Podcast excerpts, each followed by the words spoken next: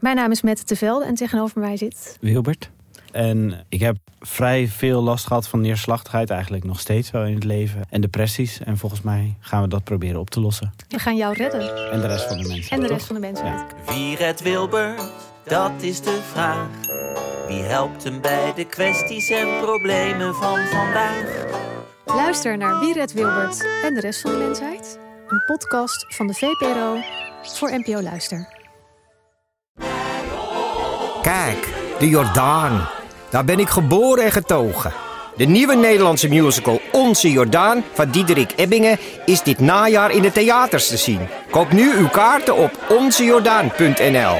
Leuk toch? Welkom bij Buitenlandse Zaken, een podcast van de Groene Amsterdammer. In deze podcast bespreken we internationale zaken en artikelen die in de Groene Amsterdammer zijn verschenen.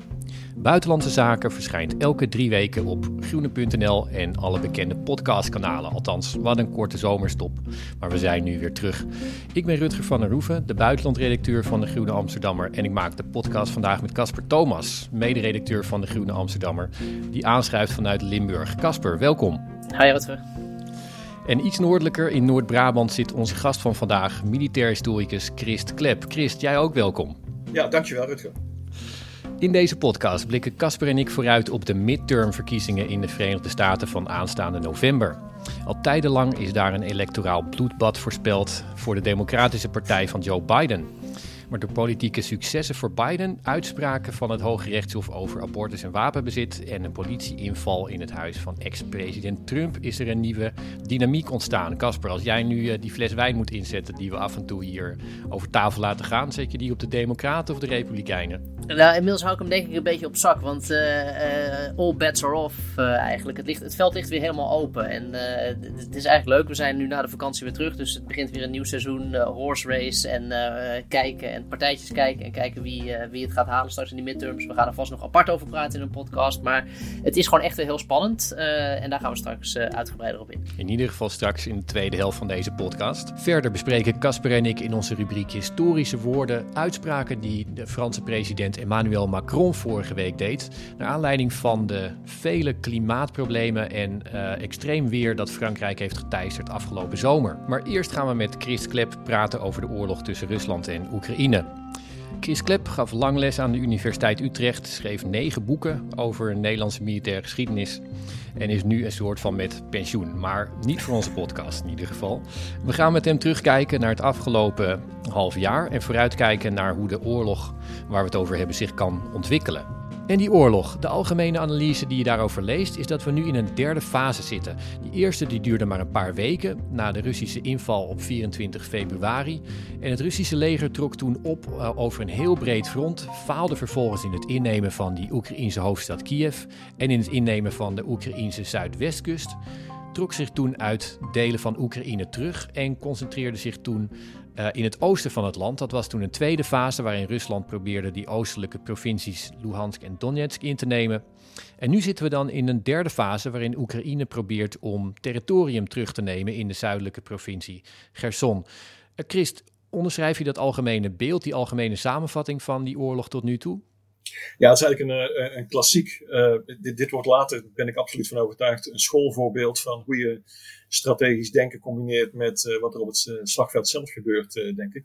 Toen ik bij Defensie ging werken, werden we echt doodgegooid vanaf de allereerste dag met één stelling. En dat is dat militaire strategie moet aansluiten bij wat je kunt. Hè? Wat je bij operationele mogelijkheden, zoals het dan zo heel mooi heet.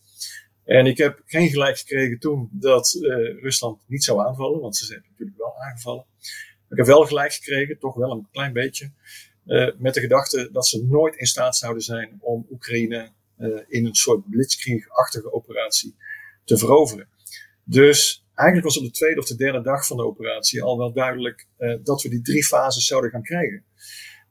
ten eerste een volkomen overkill aan de Russische kant zonder dat ze dat konden uitvoeren. Ten tweede, ja, dan doen we maar wat anders. Hè. Dan gaan we onze doelen bijstellen richting Oost-Oekraïne. En ten derde, ja, dan, wat er dan nog overblijft, is dat het moment komt waarop de tegenstander, die intussen veel heeft bijgeleerd, hè, laten we dat niet vergeten, besluit om in de, in de tegenaanval te gaan.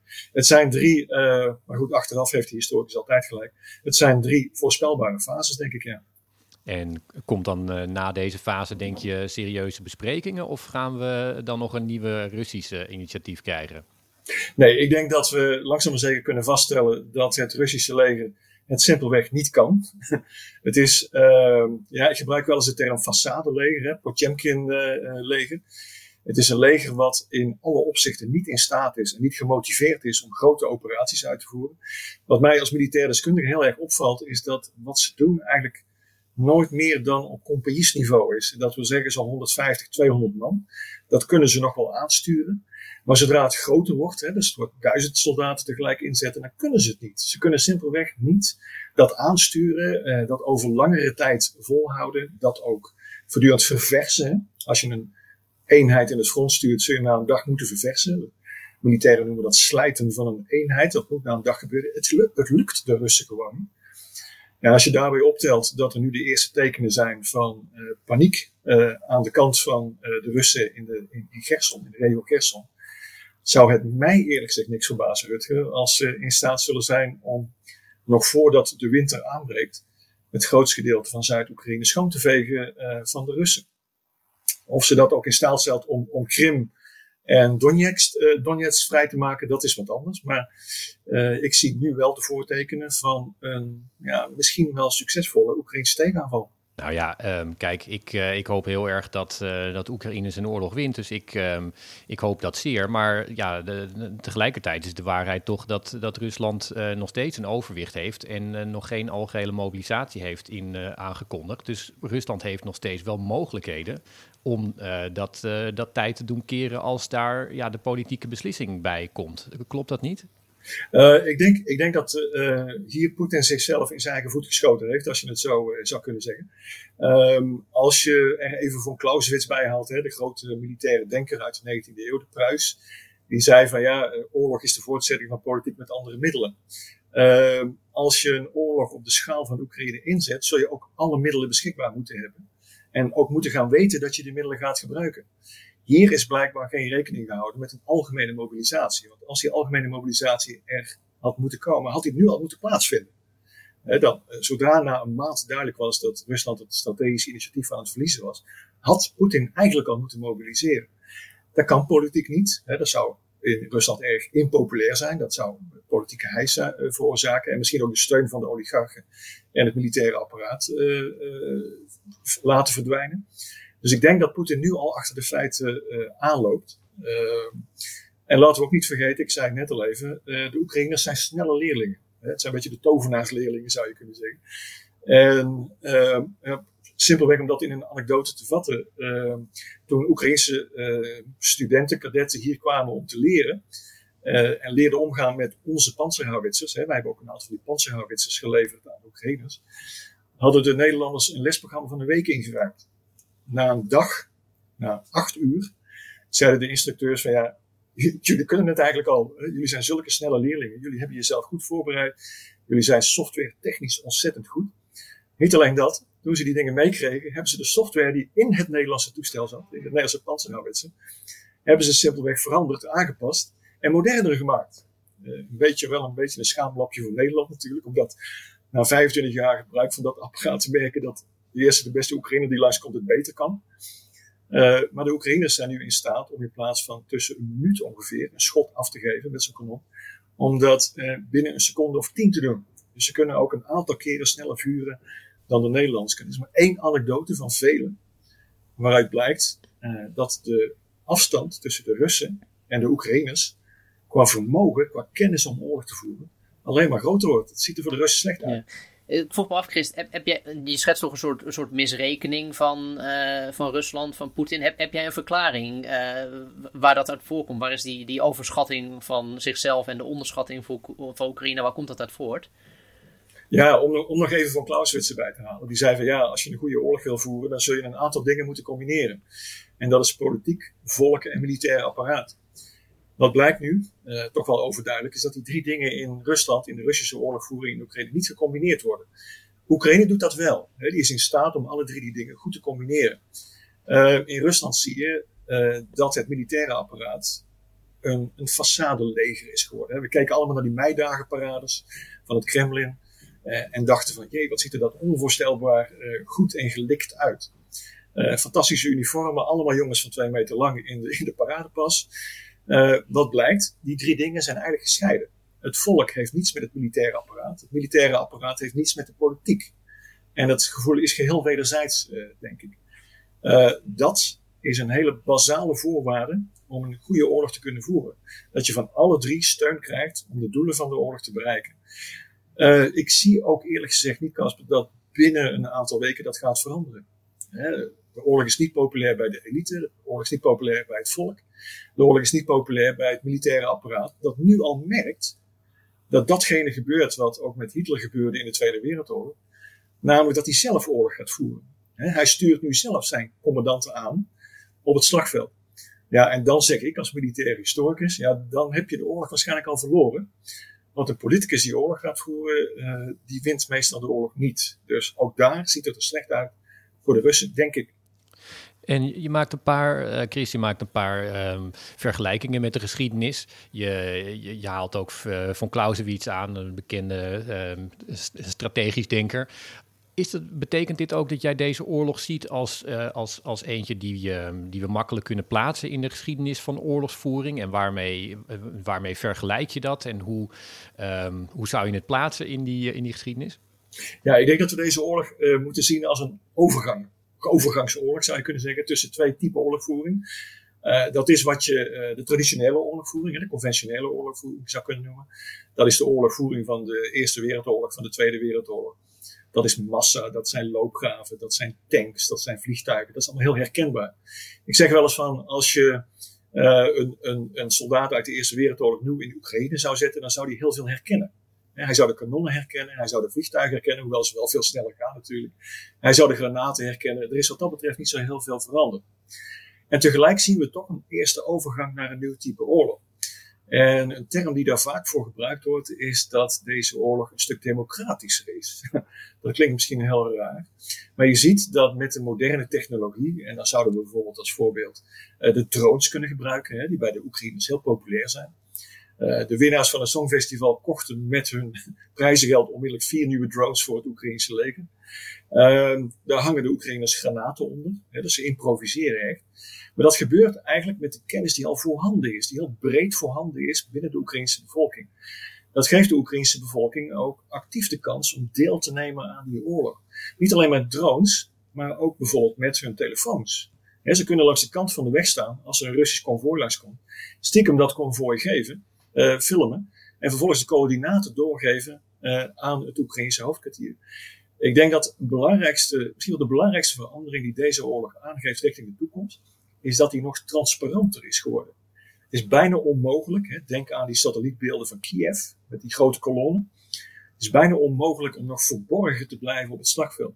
En dat speelt in dit geval vooral in het nadeel uh, van de Russen. Gevolg zou wel zijn dat grote apparaten als tanks bijvoorbeeld, het in komende oorlogen het een stuk lastiger zullen krijgen.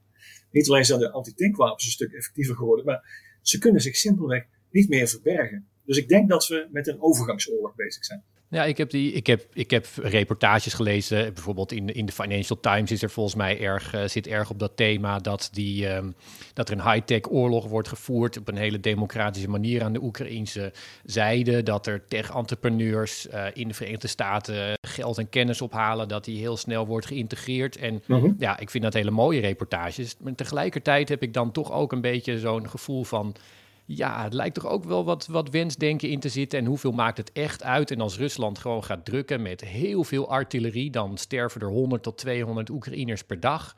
Dus ik, ja, ik, uh, ik, soms bekruip me dan ook het gevoel, ja, willen we dat niet een beetje te graag zien? En uh, is die, uh, die oude lessen van massa en die oude lessen van de Eerste Wereldoorlog en dergelijke, ja, gaan die daar dan toch niet over, over die nieuwe regels heen? Ik, ik snap je gedachte. Ik snap de gedachte dat de Russen uh, uiteindelijk in staat zullen zijn, puur op basis van hun massa, deze oorlog te winnen. Maar ik denk dat we intussen het tegendeel zien. Uh, de massa gaat juist tegen de Russen werken, zou je kunnen zeggen. Ze hebben inderdaad eindeloos veel artillerie, veel meer artillerie in ieder geval in het begin van de oorlog dan de Oekraïners hadden. Maar dat vereist ook een ongelooflijke hoeveelheid logistiek. Hè. Je moet dat allemaal bevoorraden. als je weet dat zo'n gemiddelde granaat al snel zo'n 20 kilo weegt, uh, van de grote raketsystemen kun je vaak maar vier of vijf raketten meevoeren op een vrachtwagen. Als je dan een batterij van, die, uh, van, die, van dat geschut wilt bevoorraden, heb je al snel 20, 30, 40 vrachtwagens nodig. Wat blijkt, ook dat kunnen de Russen niet. Ze kunnen simpelweg niet uh, die hoeveelheid munitie bijvoorbeeld naar de regio Gerson krijgen. Dus wat hebben de Oekraïners heel slim gedaan? Dat is trouwens ook weer Eerste Wereldoorlog hoor. Is de bruggen uitschakelen over de Dnieper-rivier. Waardoor de aanvoer van de Russen stuk loopt. En ze dus ook die massa niet meer kunnen gebruiken. Die massa gaat nu juist in hun tegendeel werken. Dit is een oorlog waar we voor het eerst weer opnieuw bevestigd zien dat nauwkeurigheid telt. Uh, geef je een voorbeeld. De scoringspercentage van een Javelin antitankraket, hè, dat beroemde uh, ding wat je op je schouder kunt afvuren, is 70 tot 80 procent. En dat in handen van iemand die er een uur les in heeft gehad. Dat is natuurlijk een ongelooflijk democratisch wapen, zou je kunnen zeggen. Daar, uh, daar kunnen de Russen met hun massa, denk ik, uh, niet tegenop. En dat gaat alleen maar meer in het nadeel van de Russen werken. Die massa, denk ik. Ik heb misschien nog één vraag ook die een beetje zijdelings gaat misschien. Maar een van de dingen die we ook zien in deze, in deze oorlog, de, de rapporten die erover naar buiten komen. Mensenrechten schendingen, uh, martelingen. Het, het Russische leger dat zich echt ja. uh, ontzettend misdadig gedraagt. Uh, zoals we kunnen lezen. In, en ik denk soms wel eens, is dat een soort... Is, is, dat, is dat ook een uiting van frustratie over het feit dat eigenlijk de conventionele oorlogvoering we zijn, we zijn op zoek naar verklaringen voor de, voor de brutaliteit vaak. We hebben de schrijver erover in de groene. Maar ik vroeg wel af van ja, ik, ik, het zou me verbaasd hebben als de Russen een uh, fatsoenlijke oorlog volgens de regels hadden gevoerd. En dat, dat heeft ook te maken met hoe zij historisch tegen het voeren van oorlogen aankijken. Uh, we hebben in het Westen, en ik zeg dat heel voorzichtig, uh, enigszins geleerd om met bepaalde regels rekening te houden. En ik weet, heel veel mensen denken nu, oh, oh ja, Israël ook, Amerika ook in Irak. Maar goed, we hebben in ieder geval geprobeerd om dat een klein beetje in te bouwen in onze oorlogvoering. Uh, in Rusland is het uitgangspunt uh, dat een mensenleven en ook dat van een soldaat uh, niet zo heel belangrijk is. dat zie je nu ook aan de manier waarop de Russische soldaten zijn uitgerust, bijvoorbeeld. Hè. Ik ken allemaal de verhalen over. Ja, zoek het eigenlijk maar uit. Hè. De officieren tegen hun soldaten zeggen: er is geen voedsel, sorry, zoek het verder maar uit. Wat gaan die soldaten doen? Die gaan plunderen, die raken gefrustreerd, die gaan verkrachten. Zeg het even heel, heel erg cru. Ik denk dat die vreedheid uh, eerder ingebakken zit in de Russische manier van oorlogvoering, die altijd heel erg gebaseerd is geweest op massa en het incasseren van veel slachtoffers. Uh, en het maken van heel veel slachtoffers. Uh, ik heb ook wel eens gezegd van, voor de Rus is elk doelwit een militair doelwit. Of het nou een school is, of een hospitaal, of whatever. Uh, alles wat de vijand in de problemen kan brengen, is een militair doel. Uh, ik, ik, zeg het maar even, heel, even heel cru. Het wat is de zin van het beschieten van een school? De zin van het beschieten van een school is dat er veel slachtoffers bij vallen, ook gewonden. Die gewonden moeten allemaal naar een ziekenhuis gebracht worden, waardoor de bedden en de artsen niet beschikbaar zijn voor de oorlog zelf, voor de militairen. Beschiet je vervolgens het ziekenhuis, sla je een dubbelslag. En nogmaals, ik weet wat ik zeg nu. Hè? Ik bedoel, maar dit is hoe de Russen aankijken tegen oorlogvoering. Die vreedheid, denk ik, zit ingebakken in hun systeem van oorlogvoering. Ben ik bang. En een, een, laatste vraag van, uh, uh, van mij. Er, er, wordt vanuit, de, vanuit Rusland de hele tijd benadrukt dat dit eigenlijk een oorlog tegen de NAVO is. En wij mm -hmm. in Nederland voelen dat misschien niet zo. Maar tegelijkertijd is het zo dat Oekraïne heel veel materieel krijgt. ook is overgeschakeld. Ehm, succesvol schijnbaar op, op NAVO-munitie en NAVO-standaard mm -hmm. wapens. als, je, als ik dan ehm, beelden zie van eh, van HIMARS, uh, uh, zeg maar van precisiebombardementen heel ver achter het front, dan denk ik bij mezelf toch, ja, dat, dat riekt toch naar Britse of Amerikaanse inlichtingen.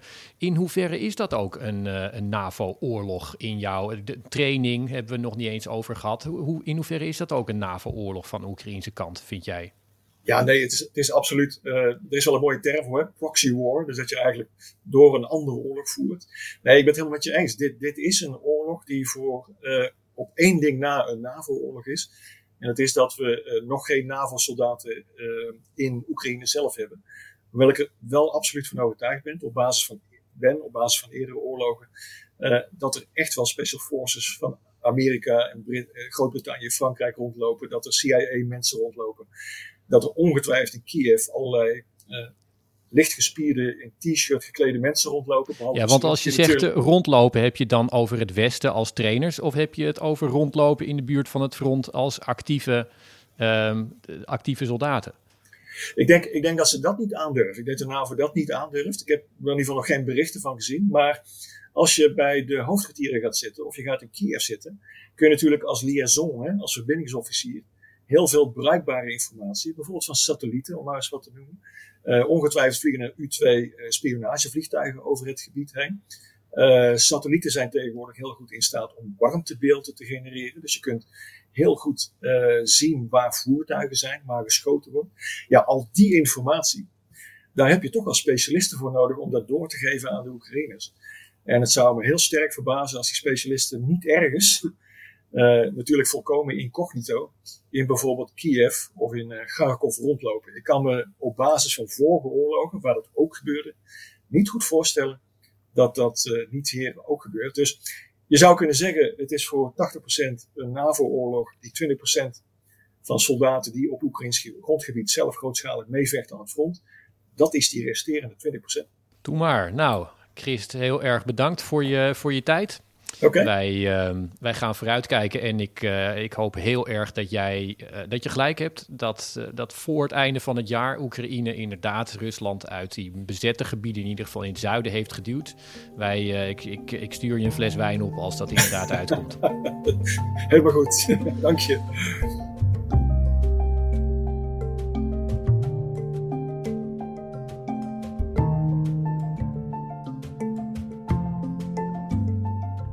En dan nu, historische woorden.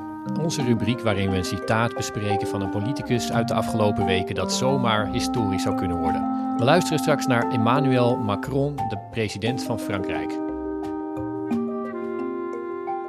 d'un grand bouleversement. Je crois pour ma part que ce que nous sommes en train de vivre est plutôt de l'ordre d'une grande bascule ou d'un grand bouleversement.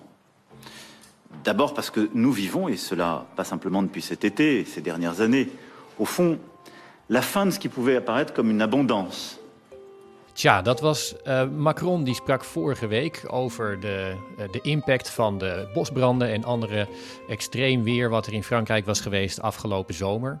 En hij sprak daarin onder andere de ja, toch, toch wel wijd opgepikte woorden fin de l'abondance. Dus hij hij wil niet alleen zeggen van nou dit, was, dit lag aan klimaatverandering en dat wordt een heel erg groot probleem, maar hij wil zeggen de, de problemen die we nu zien, de problemen in, in Rusland, die eh, ook weer allerlei uitwerkingen hebben op energie, uh, de problemen die we hebben gezien door COVID van de, uh, de wereldeconomie en de problemen van het klimaat, die samen die combineren tot een effect wat een einde gaat betekenen aan een tijdperk van, uh, van welf, van overvloed. En we zullen ons gaan moeten aanpassen aan een nieuwe tijd. Casper, wat, wat is jouw reactie daarop? Ja, ik ben heel blij dat we deze woorden hebben uitgekozen voor deze week en aan hebben gemerkt als historisch. Want ik denk dat Macron dat wel, uh, wel, wel, wel goed ziet. Um, we hebben natuurlijk een soort Nederlands equivalent gehad. Uh, volgens mij was het Sigrid Kaag die zei: we worden met z'n allen een stukje armer. Waarbij natuurlijk altijd de grote vervolgvraag is: hoe ga je dat dan verdelen, dat armer worden? Want dat is eigenlijk de kern. Volgens mij, als je kijkt naar, naar laten we even zeggen, het, het, het, het, het hele economisch model en ook de politiek die eruit voortvloeit in het Westen is eigenlijk altijd gebaseerd geweest op het vermeerderen van welvaart. Iedere generatie zou rijker moeten worden dan de vorige. Meer kunnen, meer consumeren. En ik heb heel vaak het gevoel uh, dat we inderdaad uh, misschien wel aan het einde van dat tijdperk zijn gekomen. Ook omdat al die groei natuurlijk altijd op een fossiele economie gebaseerd is geweest. Die, uh, waarvan we inmiddels dus ook al de grenzen overschreden hebben. Dus daarmee, dat is, dat is een, eigenlijk een complete herijking van, van waar we als mensheid mee bezig zijn. En wat we als maatstaaf gebruiken voor vooruitgang, uh, voor wat het goede leven is. Nou ja, dat is iets dat, van een grotere orde kun je volgens mij geen vraag krijgen. En, en hij raakt me ook erg persoonlijk, moet ik zeggen, deze vraag. Uh, uh, ik ben onlangs vader geworden. Ik heb letterlijk dit gesprek gevoerd met, met mensen. Kijk, ik ben nog opgegroeid en jij ook, denk ik, met het idee inderdaad, meer is beter, meer is vooruitgang. misschien moet ik nu gaan opvoeden onder het paradigma minderen is vooruitgang. Hoe dat eruit ziet, weet ik nog niet, maar dat vind ik een heel interessante vraag. Ja, ik denk dat je gelijk hebt. Inderdaad, ik ben een kind van de jaren negentig en ik dacht dat het allemaal beter zou worden en ook meer zou worden. En uh, Macron die spreekt hier een ongemakkelijke waarheid. En dat is een, een, term die we kennen van El Gore. En ik vind het op zich wel typisch dat El Gore, die, die sprak die woorden toen hij al uh, verslagen was. Toen hij niet meer uh, presidentskandidaat was. En dit soort dingen worden vaak gezegd door mensen die pijnlijke waarheden willen zeggen, maar niet uh, die pijnlijke waarheid ook daadwerkelijk onder hun handen hebben en mensen um, dat vervolgens moeten gaan toedoen, die, die pijn. En Macron is, uh, is denk ik uh, toch de eerste ja, leider van een, van een groot land, een belangrijk land, wat zegt tegen zijn burgers van dit is de consequentie. En ik denk dat hij er gelijk in heeft. En ik denk dat dat verhaal um, ja, zich langzaam steeds verder zal verspreiden, maar een makkelijke waarheid is het niet.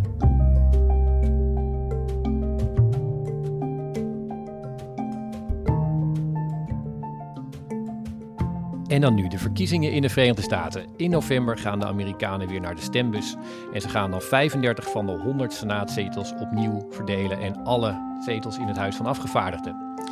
En zoals ik al in het intro zei, is er al een hele tijd lang een enorme nederlaag voorspeld van de Democratische Partij van Joe Biden. En een verkiezing die naar de Republikeinen zou gaan en hen de macht zou geven in het parlement. Um, en dan onder ex-president Trump of misschien onder zijn uh, de mensen die dan boven gaan komen drijven. Maar dat ligt er opeens heel anders uit. Uh, Joe Biden die heeft een aantal wetten door het parlement gekregen. Uh, het Hoge Rechtshof die heeft een paar heel omstreden uitspraken gedaan. En Donald Trump is zowel heel erg in opspraak geraakt, maar heeft ook weer um, greep gekregen op zijn, op zijn partij. Eh, Casper, zet ik dat zo uh, goed neer of, of is het, uh, ligt het iets anders, de situatie? Ja, je zet een heleboel neer en, en, en, en, volgens mij ook goed, maar ook een aantal dingen misschien, zou ik het zeggen, weer net iets anders zien. Onder andere de, de, de greep van Trump op de partij, maar daar komen we zo nog wel even op. Maar, maar inderdaad, laten we zeggen, het, bedoel, het is begin september, die midterms die zijn begin november, dus het, het seizoen is begonnen.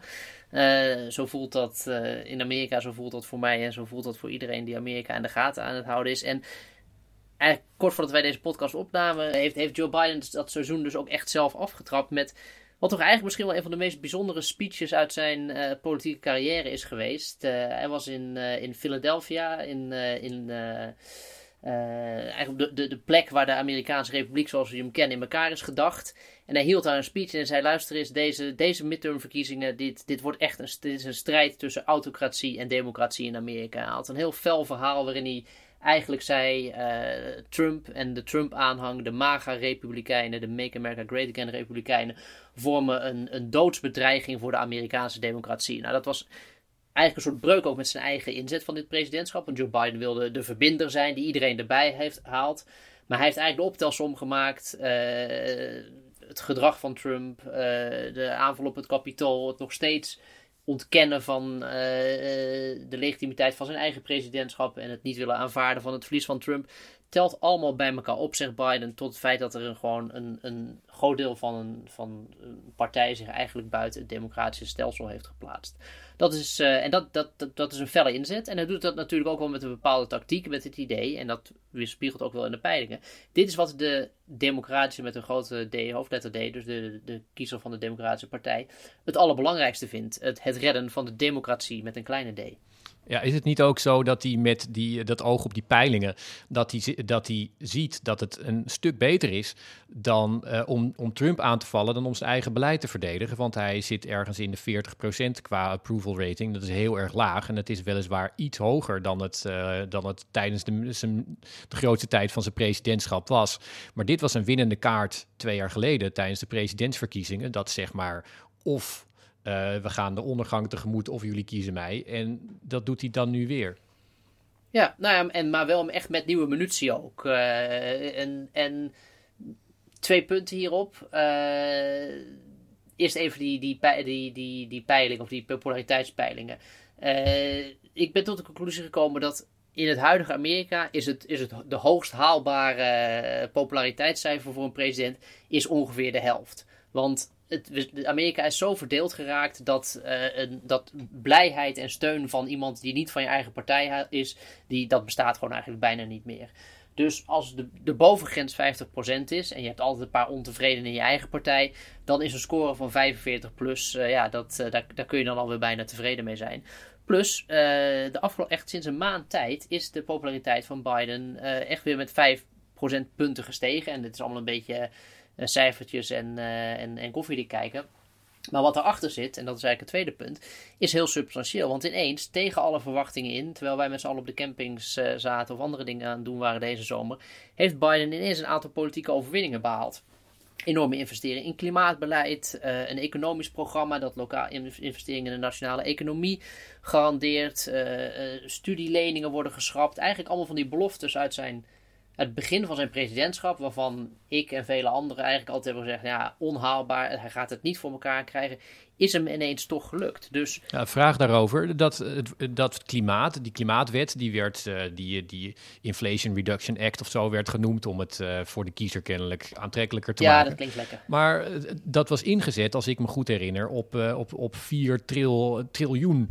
Um, uh, trillion, dus, dus bil, biljoen dollar. En er is nu 700 miljard van over. Ja, dat is een hele klap geld. En tegelijkertijd voor de Verenigde Staten ook niet zoveel. Het werd in de Verenigde Staten als een enorme politieke overwinning gezien. Maar het, het ziet er toch ook wel uit als een heel erg uitgeklede wet. Of is dat onterecht? Is het zeker. Kijk, het is, het is van een paar duizend miljard naar uh, uh, minder dan een duizend miljard gegaan.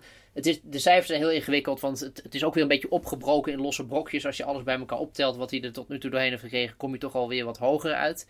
Um, ik, ik vind het niet heel onterecht dat dat als een grote overwinning wordt gevierd. Als, je, als, als, als de verwachting nul is, is dit echt flink. Uh, de doorrekeningen zijn zo dat het, het, klimaatdoel van de Verenigde Staten, en dat is toch uh, heel dicht bij een, uh, een CO2-neutrale energieopwekking in 2030 zitten, dat komt hiermee weer in de buurt.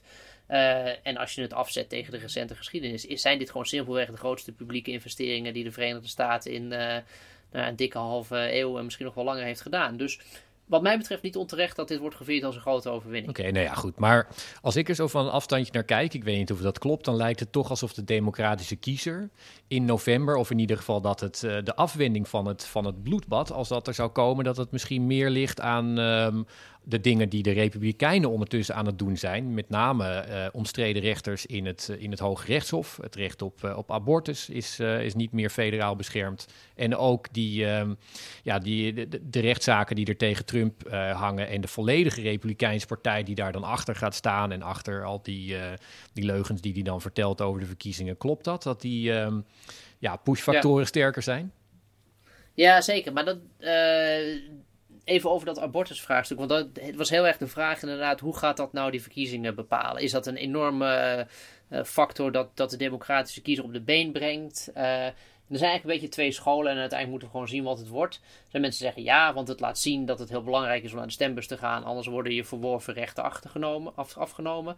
Er is een andere school die zegt ja, weet je, voor de democratische kiezer maakt het echt niet uit. Dit, dit, dit is al gebeurd. Ze kunnen stemmen wat ze willen. Ze gaan het daar niet mee terugkrijgen per se. Hooguit op statelijk niveau kunnen ze zorgen dat, het, de, dat dit soort verworven rechten misschien iets minder worden ingeperkt. Maar dit was sowieso altijd al wel bekend tussen als strijdpunt tussen de twee partijen. Dus of het enorme hoeveel de nieuwe kiezers extra op de been brengt, dat valt nog te bezien. Ja, je, je zegt dat die, dat die abortus, als ik je goed hoor, dat die toch niet zozeer mensen naar de stembus zal krijgen. Maar ik lees daar op zich in de Amerikaanse media wel andere dingen over. Over um, races waarvan wordt gezegd, bijvoorbeeld in Wisconsin, daar is iemand die heet Mandela Barnes. Die, gaat dan, uh, die, die staat op de verkiezingsbiljet en dat die echt zegt van, nou ja, die, zijn campagne is gewoon veranderd op de dag dat het Hoge Rechtshof dat, uh, het recht op abortus introk. En dat dat toch, en het wordt ook bij die race nu in Alaska, uh, die Sarah Palin heeft verloren, werd het genoemd als een, als een heel belangrijk belangrijk argument. Dus um, ik bedoel, is het zo dat jij denkt dat het niet zoveel uh, andere kiezers uh, naar de stembus trekt? Want ik, ik lees toch in Amerikaanse media wel dat het belangrijk wordt gevonden voor die, voor die individuele races ook. Ja, nou daar heb je wel een beetje gelijk in hoor. Ik denk ook wel, ik denk wel dat het iets van een verschil maakt. Maar het is niet, het is misschien gewoon niet de grootste, de grootste factor. Omdat, wat ik zeg, het, het, het, de, de, de, de kampen zitten al vrij vast. En het effect dat je met je stem kunt uitbrengen op de daadwerkelijke situatie is vrij klein.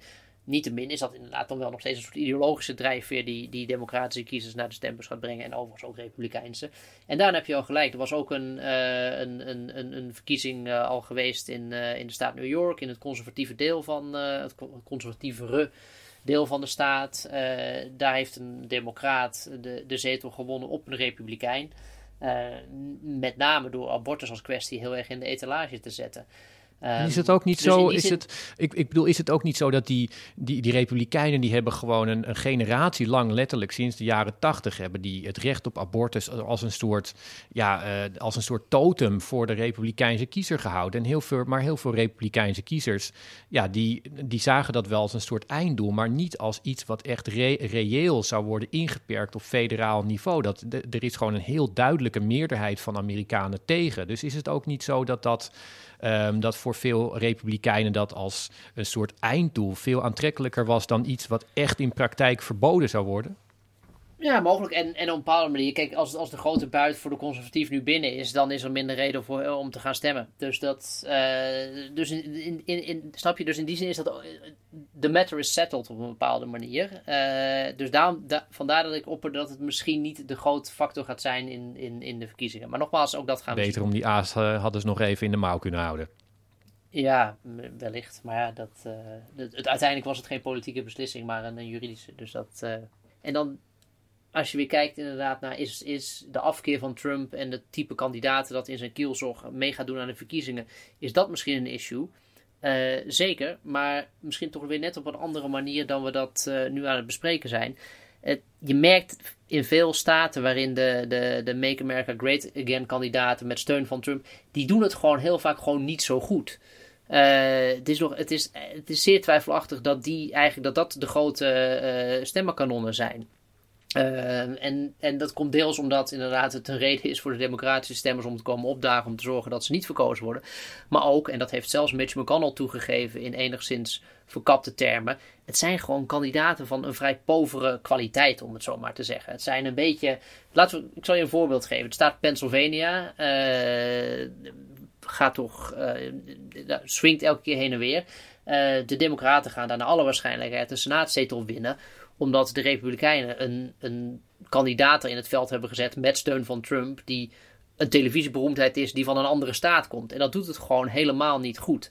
Dus eigenlijk zijn de Republikeinen uh, met Trump ook hard bezig om zichzelf in de voet te schieten. Ja, en, en laten we ook maar gewoon memoreren dat om de een of andere reden uh, blijft Trump zichzelf als een stemmenkanon presenteren en, en blijven mensen dat zo zien. Maar hij verkiest, verkie uh, verliest verkiezing uh, na verkiezing.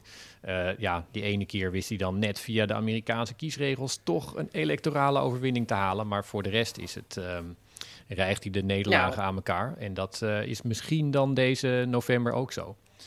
Ja, 100%. Kijk, Trump is eigenlijk tot nu toe altijd een, een verliesgevend, uh, verliesgevende inzet geweest. Hij is inderdaad één keer president geworden tegen een zeer onpopulaire uh, tegenkandidaat Hillary Clinton. En sindsdien is alles waar de naam Trump op heeft gestaan, uh, is, is, is, is misgegaan. Dus het idee dat hij een winner is, is dat is gewoon niet, niet op de feiten gebaseerd, electoraal gezien. En ik denk inderdaad dat dat deze midterms ook alweer gaat blijken. Leuk zijfeitje trouwens. Je zult misschien ook de verkiezing in, uh, tussentijdse verkiezing in Alaska gevolgd hebben. Uh, denk je, wat, wie interesseert dat? Nou ja, dat interesseert de mensen op het moment dat de Republikein die daar uh, zich meldt, Sarah Palin is. we kennen haar nog wel als running mate. de hockeyman. inderdaad. verloren van het. Dus weet je, dat, dat, dat hele radicale republikeinisme, dat, dat het, ja, het ik denk al, het is goed voor ongeveer 30% van, uh, van de stemmen, maar daarmee red je het niet. Zeg, en dan iets wat ik toch wel merkwaardig vind, dat is dat de Verenigde Staten is nu een soort van in oorlog. In ieder geval, ze steunen heel actief uh, een, een partij die in oorlog is, Oekraïne tegen Rusland.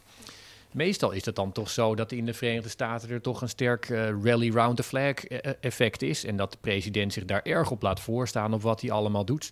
Maar het, het is een soort onpolitieke uh, ruimte waarin dat gebeurt. De, de, de, Republikeinen die willen er graag. Uh, die willen er graag tegen zijn, maar ze weten dan niet zo goed waarom. Dus het, het speelt gewoon eigenlijk helemaal niet zo. Hoe, hoe kan dat eigenlijk?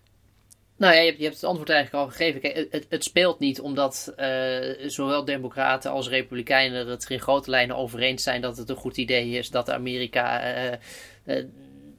de Russische agressie probeert tegen te gaan. Dus in, in, in het politiek klimaat in Amerika is dermate, wat ik zei al, gepolariseerd dat alleen dingen waarvan je weet dat daar heel verschillend over worden gedacht, eigenlijk nog alleen maar saillant zijn. Dus uh, Biden hoeft dit niet in de, in, in de schaal te gooien om, om stemmers te winnen. Uh, en de Republikeinen hoeven het niet aan te brengen, omdat ze inderdaad eigenlijk niet echt goede redenen hebben om er heel erg tegen te zijn. Dus daarmee verdwijnt het een beetje naar de achtergrond. Ja, en dan nu eventjes naar, de, nou ja, naar zeg maar die grote prijs. In, in november dan, uh, dan wordt er een, een, aantal kandidaten, of in ieder geval de, een meerderheid van alle afgevaardigden, die wordt uh, gekozen of herkozen. Um, de grote vraag is naar welke partij de controlegraad van met name de Senaat, maar ook de, het Huis. Hoe gaat zich dat? Dat zijn allemaal individuele races. Dus in de Verenigde Staten wordt er ook heel veel over individuele races ge gesproken. Maar wij kijken toch vooral naar het grote verhaal en zien het ook als een vertaling van, uh, van de nationale politiek. Uh, hoe gaat dit alles zich vertalen, denk je, in die, de uitslag straks? Nou ja, het is. Kijk, een tijd geleden was het. het had iedereen zoiets van uh, vrijwel zeker dat de Democraten hun meerderheid in het Huis van Afgevaardigden. en hun net niet meerderheid, ze hebben precies de helft van de zetels in de Senaat, waarschijnlijk ook. Nou. Uh, inmiddels is dat een beetje bijgedraad naar, nou, misschien die Senaat kunnen ze, zouden ze nog wel eens kunnen behouden met een beetje kunst en vliegwerk. Uh, en in een heel extreem scenario kunnen er ook nog eens een keer rare dingen gebeuren bij dat Huis van Afgevaardigden. Uh, het ligt weer heel erg open. Um, de les is altijd geweest voor mij de afgelopen jaren in Amerika. Je kunt verkiezingen echt zo ontzettend moeilijk voorspellen. Toen Trump zich meldde, zei iedereen: wat een clown dat gaat, dat, die kan nooit president worden. Toen Biden zich meldde, zei iedereen: uh, ja, zo'n oude, oude vent die, die al. Die, waren ze jonge belofte, dat, wordt dat wordt nooit wat tegen Trump. Nou, hij won ook. Dus elke keer zijn eigenlijk de geëikte verwachtingen uh, niet waar gebleken. Dus het is, ik, ik, waag me wat dat betreft niet zo snel meer aan voorspellingen. Um, maar het veld ligt echt weer open. En, en, en, ja, en dat komt echt wel omdat er dus deze zomer heel veel gebeurd is. Ik had het dus al even over die overwinningen van Biden. Nou, en Trump heeft dus inmiddels uh, nog meer uh, justitieel uh, gedoe achter zich aanlopen met de documenten die hij had meegenomen uit het Witte Huis toen hij nog president was. Het is niet dat dat het grote verschil gaat maken, maar het is wel weer iets. het is ook weer klungelig hoe dat gegaan is. Het is allemaal ja, je, je merkt dat, dat zelfs al sommige kandidaten bij de Republikeinen... die beginnen zich ook juist nu weer een beetje van Trump te distancieren, weet je wel. Er zijn een aantal New York Times dat een overzicht die had van allerlei kandidaten voor senaatsraces... en de races van het Huis van Afgevaardigden... die de associaties met Trump van hun website aan het halen waren... omdat het gewoon eigenlijk niet zo'n uh, niet zo'n trekpleister meer is. Tja, en dan aan het einde, dan is het, um, stel dat nou een van die twee huizen inderdaad naar de Republikeinen gaat, um, gaan we dan gewoon twee jaar lang um, sabotagepolitiek zien en uh, vooruitkijken naar de volgende presidentsverkiezingen? Uh, ja, kort gezegd. Kijk, dat zagen we, die sabotagepolitiek of die obstructiepolitiek, die zagen we sowieso al. Uh, echt langs het randje van de achtergrond heeft Biden er nu net wat doorheen gesleept. dat, dat in het geval dat uitkomt wat jij net zei, dan was dat zijn, zijn enige, zijn laatste en ook zijn grootste overwinning nog steeds best mooi. Dus daarom is het ook nu gebeurd, denk ik. En dat snappen de Democraten ook wel. Dus misschien dat het hierbij blijft. Uh, of misschien dat er zich wonder voordoet. En dat we toch nog twee heel actieve presidentsjaren gaan krijgen. Maar dat gaan we bespreken in de, de eerste podcast. Uh, de eerste buitenlandse zaken na 9 november. Ja, dan krijgen wij waarschijnlijk twee, twee mannen van rond 80 tegen elkaar. Maar wie weet, misschien ehm, liggen ze allebei wel in het ziekenhuis. En komen er twee dames van in de 40 of zo die het gaan uitvechten. Wie, ehm, we gaan het, Je kunt het nooit voorspellen. We gaan het heel goed in de gaten houden, inderdaad, Casper. Dankjewel. U luisterde naar Buitenlandse Zaken, een podcast van de Groene Amsterdammer. U hoorde Rutger van der Hoeven vanuit Amsterdam, Casper Thomas vanuit Limburg en Chris Klep vanuit Brabant. Deze podcast werd gemaakt door Giselle Mijndief. Dank voor het luisteren. En als u meer van ons wil lezen of abonnee wil worden van de Groene Amsterdammer, ga dan naar www.groene.nl. Bye.